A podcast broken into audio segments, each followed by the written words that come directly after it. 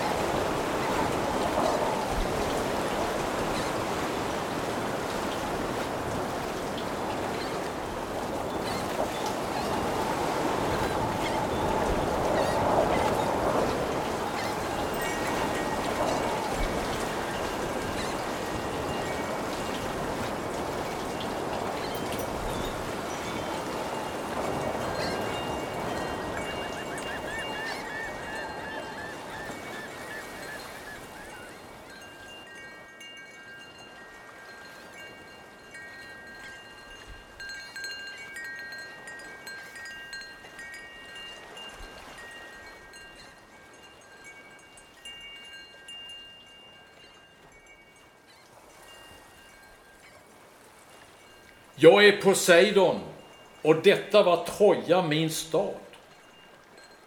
Med mina egna händer la jag stenar och byggde de murar och hus och byggnader som var denna storslagna stad.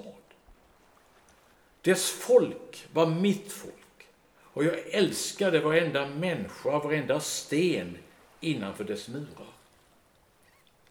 Men nu Pallas Athenas hem mot prins Farius blev en hem mot hela min stad. Med cynisk förräderi har den förstörts. Troja ligger öde och förstörd, plundrad och urholkad. Dess heliga lunder brända och dess tempel nu röda som av blodets pensel. Alla trojaner är borta, förutom dessa kvinnor det är det sista. Sparade åt Greklands hövdingar för att nyttjas som vad dessa herremän önskar. Krigsbyte som ska delas mellan vinnarna. Slavar och konkubiner ska de bli där borta i Hellas. Helena, som denna tragedi beror på, hon finns ibland dem. En speciell fånge som väntar på sitt speciella öde. Men det som tynger mig mest är att se Hekuba, bland dessa kvinnor. Detta byte. Hekuba, Trojas drottning. Paris, hennes son, han som rövade Helena från hennes make, ligger död. Hektor, den tappraste av alla Trojas söner, är död. Likaså Priam, Trojas kung, Hekubas make. Han ligger där vid templet. Hekubas framtid är mörk och där väntar mer ont för henne. Hennes dotter Polexina har slaktats likt ett offerlamm som en gåva åt Akilles vid hans grav.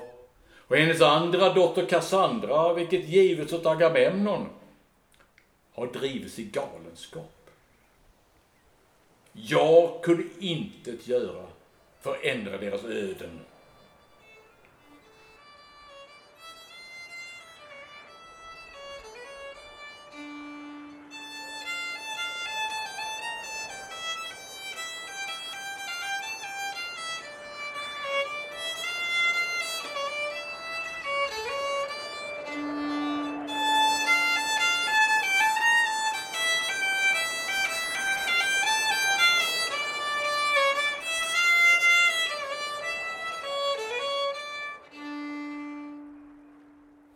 Kom igen nu du gamla skata, du har gråtit nog.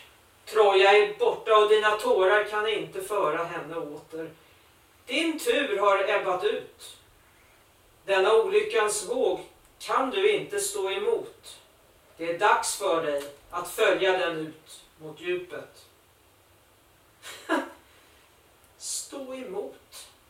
Nog vore det modigt att stå upp för vad jag har kvar att lyfta huvudet högt mot skyn och skrika Jag ska inte gråta! Jag borde vara en drottning och visa ädelt mod. Jag borde vara en förebild för alla dessa stackars kvinnor. De har förlorat mycket, men jag har förlorat än mer. Mina söner och min make är borta. Min stad och mitt kungarike ligger i ruiner. Men jag ska inte gråta. De skulle kunna lära sig mod från mig, men sanningen är än enklare. Är det inte så du gamla hagga? Du är fången! Ditt förflutna har de slitit från dig och din framtid har de smulat sönder till intet. Och du är varken modigare eller mer ädel än dessa kvinnor. Du bara gråter mer. Kom, ni Trojas kvinnor, ni änkor och föräldralösa. Kom och gråt med mig. Gråt tårarna jag inte kan gråta och sjung de klagovisor jag inte kan sjunga. Kom och bevittna Trojas förfall med mig och känn för er drottning.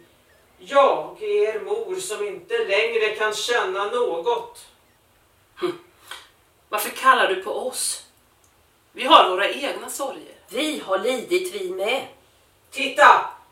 Mot viken. Vad är det som sker där? Grekerna gör sig redo för att segla.